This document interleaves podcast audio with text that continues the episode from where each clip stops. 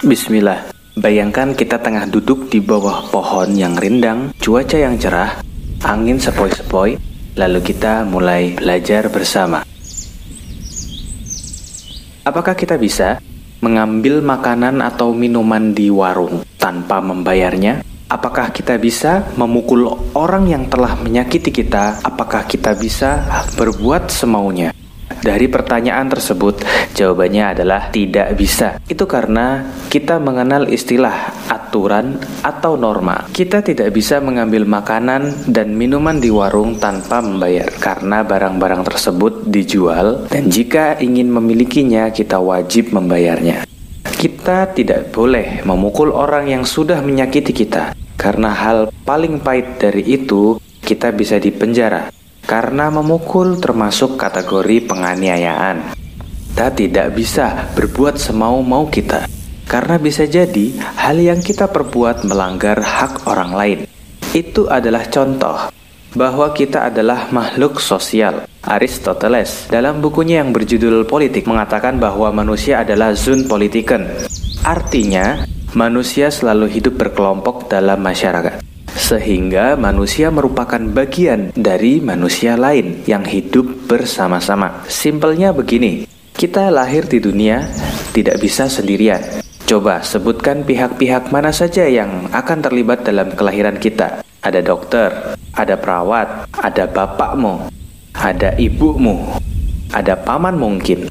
Ada siapa lagi coba? Seminimal-minimalnya harus ada wanita, yaitu ibu maka jelas kita adalah makhluk yang pasti bergantung kepada orang lain. Maka dari itu, manusia pada dasarnya memiliki dua kedudukan, yaitu sebagai makhluk sosial dan makhluk individu. Sebagai makhluk sosial, jelas manusia membutuhkan orang lain. Sehebat-hebatnya dia, dia pasti butuh orang lain. Lahir saja butuh orang lain. Baju yang ia kenakan pun dijahit oleh orang lain. Nasi yang ia makan, berasnya ditanam oleh orang lain. Sedangkan sebagai makhluk individu, jelas masing-masing orang, masing-masing kepala punya perbedaan pemikiran dan perbedaan kepentingan. Misal begini, saya itu memandang bahwa makanan yang paling enak itu adalah nasi goreng. Nah, Anda tidak mungkin sama. Bisa jadi Anda menganggap bahwa makanan paling enak adalah tempe goreng. Nah, ini adalah perbedaan yang wajar.